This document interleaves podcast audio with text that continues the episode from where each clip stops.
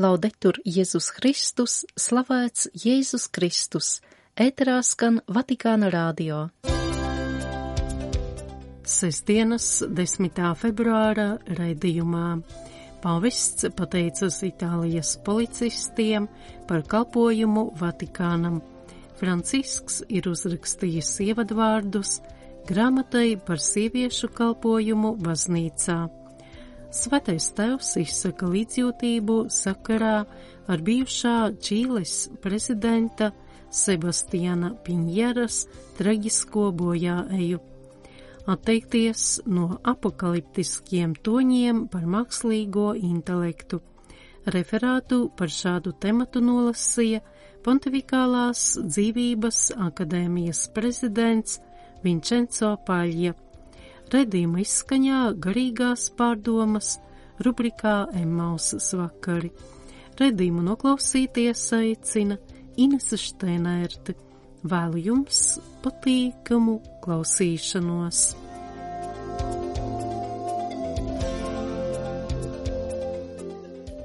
Pāvests Francisks izsaka visdziļāko līdzjūtību bijušā Čīles prezidenta Sebastiana Piņeras ģimenei un visiem, kas sēro par tik sāpīgu zaudējumu. Svētais tēvs paturot dzīvā piemiņā Piņēru, kurš bija parādījis lielas intelektuālās spējas un sirsnīgu aizrautību Čīles politiskajā dzīvē, aizlūdz par viņa dvēseles mieru, lasām Vatikāna valsts sekretāra kardināla Pietru Parolina parakstītā telegrammā. 74 gadus vecais Sebastians Piņēra gāja bojā otrdien 6. februārī Lagaranko, kas atrodas 920 km uz dienvidiem no Santiago. Helikopters, kuru viņš pilotēja, ietriecās Sandu kalnu ezerā. Visticamāk, zaudējis samaņu, bijušais prezidents noslīka. Vēlāk viņa ķermeni atrada Čīles flote. Sebastiāna Piņēra nāves dēļ valstī tika izsludinātas trīs dienu nacionālās sēras. Pāvests nominēja Šegedas Ungārijā universitātes profesori Katalinu Kariko par Pontifikālās akadēmijas par dzīvību biedru. 10. februāra rītā svētais tēvs pieņēma audiencē Vatikāna sabiedriskās drošības inspekcijas vadību un darbiniekus. Pateicoties Itālijas policistiem, turisti un svētceļnieki Vatikānā var atrast mierīgu atmosfēru, kas veicina lūkšanu un savas ticības izpausmi, norādīja svētais tēvs un pateicās par drošību, ko kārtības sargi garantē viņam pastorālo vizīšu laikā Romā un citās Itālijas pilsētās. Sabiedriskās drošības inspekcijas misija ietver arī atvērtību pret visiem, kas meklē palīdzību un atbalstu. Itālijas policistiem ir svarīgas iemiņas noziedzības novēršanā, modrībā un neparedzētu bīstamu situāciju pārvaldīšanā. Tas ir uzdevums, kas prasa drosmi, taktu un izpratni par cilvēku vajadzībām.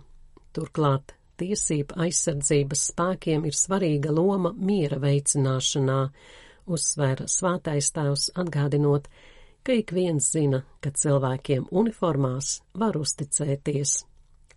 Pāvists Francisks citēja svēto Jāni 23., kurš tiesība aizsardzības iestāžu darbiniekus nosauca par labiem cilvēku kopienas kalpiem un miera veidotājiem sabiedrībā.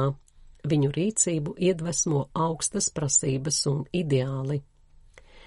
Pēc Romas bīskapa domām, kopējais labums un miers sabiedrībā nenāk pats no sevis, tas ir aktīvi jāveido. Le luci e le ombre della nostra natura, che è limitata e ferita dal peccato, comportano la necessità Cilvēciskās dabas gaisma un ēna, grēka ievainojumu ierobežota, prasa tādu kalpošanu, kas saskaroties ar ļaunumu, nestāv malā un to vēro, bet uzņemas atbildību iejaukties, aizsargāt upurus un saukt pie kārtības vainīgos, vienmēr vadoties pēc kopējā labuma. Tikšanās noslēgumā pāvests Francisks uzticēja policistus un viņu ģimenes vissvētākās jaunavas Marijas un Erceņģeļa Miķeļa aizbildniecībai un deva savu apustulisko svētību.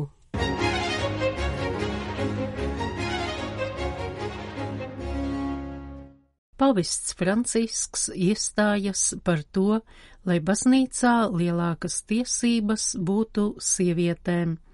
Viņš ir uzrakstījis ievadvārdus grāmatai, kurā ir apkopotas trīs teologu Lūcijas Vantīnī Salesiāņu māsas Lindas Pokjeres un priestera Lukas Kastiljoni pārdomas.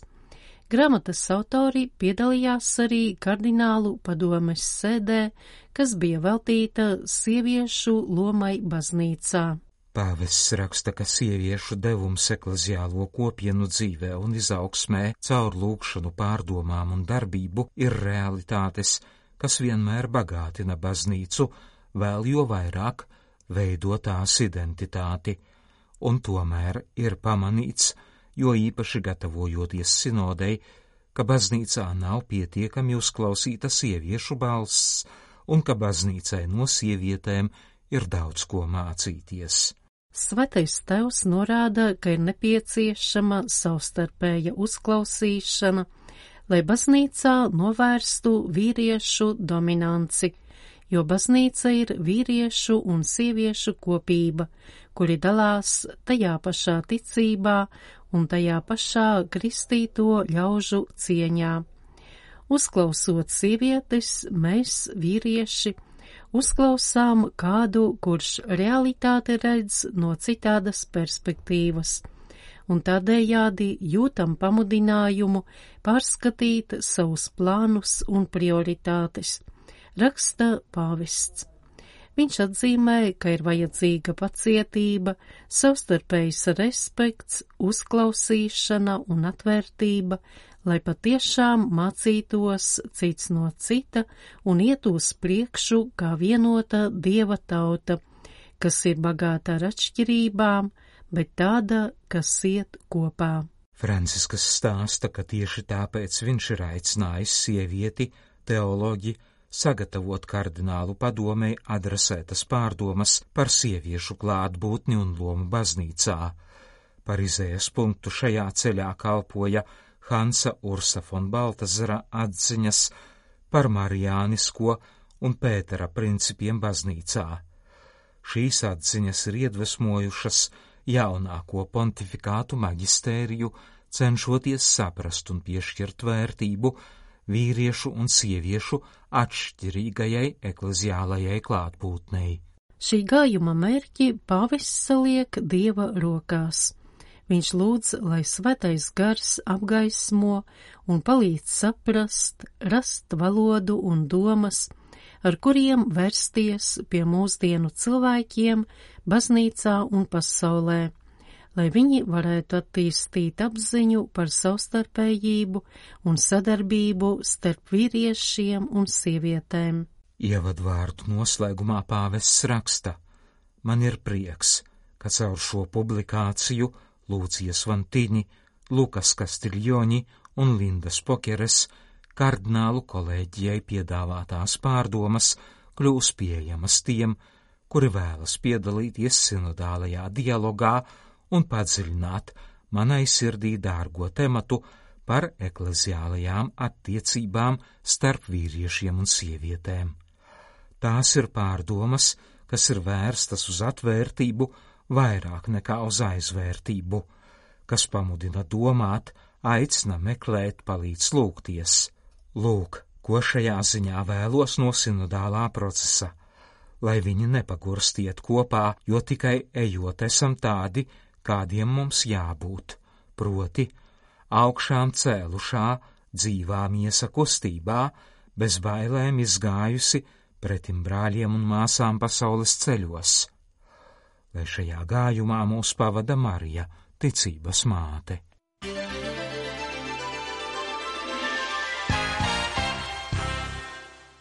Atteikties no apakaliptiskiem toņiem par mākslīgo intelektu Referātu par šādu tematu Bangalorē, Indijā, nolasīja Pontifikālās dzīvības akadēmijas prezidents arhibīskaps Vincenzo Paļa. Viņš piedalījās Indijas bīskapu konferences sanāksmē, kur viņa teikto noklausījās 175 bīskapi.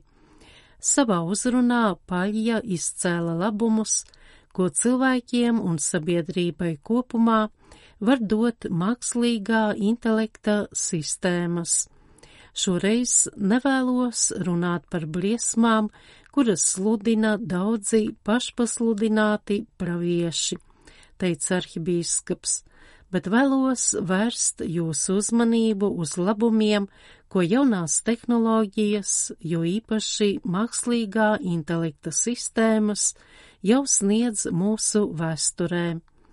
Vatikāna pārstāvis norādīja uz veselības aprūpes jomu, kur mākslīgais intelekts ir devis iespēju precīzi noteikt diagnozi, jau agrīnā stadijā novērst patoloģijas, kas nebūtu diagnosticējamas ar cilvēka aci. Attīstība ir notikusi gan medicīniskajās laboratorijās, gan medicīnas didaktikā. Arhibīskaps Paļja pieminēja arī lauksaimniecības sektoru, iespēju lasīt tekstus dažādās valodās un citus, kuros tiek sekmīgi pielietots mākslīgais intelekts. Taču galvenais jautājums skar skatījumu uz cilvēku. Pontifikālās dzīvības akadēmijas prezidents pastāstīja, ka no 12. līdz 14. februārim Vatikānā notiks konference par antropoloģisko tematu. Cilvēks nav datu kopums, tāpēc mākslīgā intelekta sistēmu klātbūtne liek runāt par cilvēkiem un viņu miesu. Šajā sakarā arhibīskaps atgādināja par Kristus iemiesošanās noslēpumu, kā arī par augšām celušo miesu, kurai pieskarties vēlas apustulis Toms. Par augšām celšanās apsolījumu miesā, kuru ikreiz proklamējam ticības apliecinājumā. Uzstājoties Bangalorē, Vatikāna pārstāvis atgādināja arī par 2020.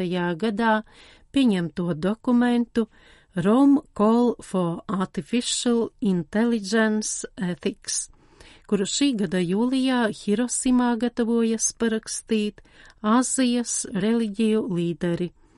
Ja tiek diskutēts par teoloģiskiem jautājumiem, reliģiju viedokļi atšķiras taču tad, kad uz spēles tiek likta cilvēces nākotne, tas ir vienotākas kā vēl nekad, teica arhibīskaps Paļja. Viņš aicināja nebaidīties no lielajām pārmaiņām, kas norisinās šobrīd, un apliecināja, ka tas galvenokārt ir aicinājums uz atbildību, ko evaņģēlis uzliek cilvēkiem, kuri dzīvo uz šīs zemes.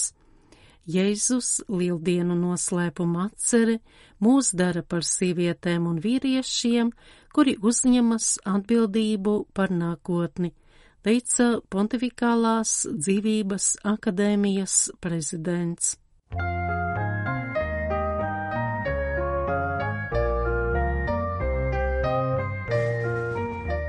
Raidījuma izskaņā garīgās pārdomas rubrikā Emmausas vakari. Šis ir laiks, kad mēs īpaši ilgojamies pēc cerības. Pāvests Jānis Pāvils II, iesākot trešo tūkstošgadi apustuliskajā vēstulē Nova Milenio Iniunte, runā par Jēzus seju, kuru mums vajag apdomāt, kontemplēt, lai mēs par Jēzu varētu nevien runāt citiem, bet arī liecināt. Ejiet uz priekšu cerības pilni, viņš raksta. Trešā tūkstošgade ir kā okeāns, un mums tajā jādodas lūkojoties uz Jēzu. Savukārt pāvests Benedikts 16. vēl toreizējais kardināls Racingers savā esejā par baznīcu trešās tūkstošgades sākumā runā par kādu ateistu, kurš saka, es nezinu, vai ir dievs, bet ticu, ka ir elle, redzu to no televīzijas ekrāna. Elle ir dieva nēsamība, komentēja nākamais pāvests, un kristiešu uzdevums ir atklāt dieva esamību, dieva vaigu. Tā ir reālā un vienīgā cerība pasaulē. Pāvests Franciskas runā par cerību kā vispazemīgāko no tikumiem, kas atveras tikai tad, kad esam patiesi nabagi. Viņš salīdzina to ar virves un ankura izmešanu otrā krastā, un tad, pie tās turoties, mēs varam šķērsot šīs dzīves upi. Bez šīs cerības otrā krastā, tas ir mūžīgajā dzīvē, mūsu šīs zemes dzīve kļūst statiska, nedzīva. Kristietim vajag elpot cerības gaisu, saka pāvests Franciskas, un dzīvot nevis nervu spriedzē, bet svētā gara spriedzē, kas uzlādē. Svētie raksti mums atklāja dieva cerības pilno vaigu. Tā vecā derība pauž ilgas pēc tā. 27. psalms saka, Mana sirds turas pie tava vārda, meklējiet manu vaigu. Es meklēju, kungs, tavu vaigu. Neapslēp no manis savu vaigu. Tu esi mans palīgs, neatmet mani un neatstāj mani. Tu Dievs mans pestītājs. Ja mans tēvs un mana māte mani atstātu, tad kungs mani pieņems. Cilvēkā, kurš tādējādi lūdz, Tā sirdī ir šī bezgalīgā cerība - redzēt dieva vaigu. Cits motīvs ir izceļošanas grāmatā 23. nodaļā. Tur teikts, manu vaigu tu nedrīkst redzēt, jo cilvēks nevar mani redzēt un palikt dzīvs. Tomēr arī šīs rindas ir par cerību, par to, ka Dievs vienmēr ir vairāk Mums jāsargājas no elgdievības, no pārāk maza dieva, kuru radām savā mazajā un baiļu pilnajā sirdī. Pravieši satiekas ar dievu noslēpumā, kas viņus pārspēja, simbolos, degošais krūms, kas nesadeg, trīs vīri, liega vēja pūsma, tie visi nes cerību. Jaunajā derībā apustulis Filips met izaicinājumu. Jāņa evaņģēlija 14. nodaļā mēs lasām, Filips Jēzum saka, Kungs, rādi mums tēvu, tad mums pietiek, jo grieķi viņa prasīja, mēs gribam Jēzu redzēt. Jēzus cilvēciskā daba ir Dieva attēls un arī cilvēka patiesais attēls. Cerība par Dievu un cilvēka cerība. Sejot cerības sēklu, Jēzus ir dzimis, lai paliktu ar mums vienmēr. Jēzus ir nācis, lai atjaunotu mūsu dziļāko seju, mūsu patieso es no iekšienes, un tādējādi atjaunotu visu pasauli. Šo grēka, nelaimju posta ievainoto pasauli, atjaunotu no katra cilvēka iekšienes, pārveidotu no iekšienes caur sirdi, kas tiek stiprināta žēlastībā, caur drošu un stipru dvēseles ankuru cerībā, caur atjaunotni garā, lai mūsu prāts pareizi saprastu. Kungs sāk un turpina savu pārveides darbu no iekšienes.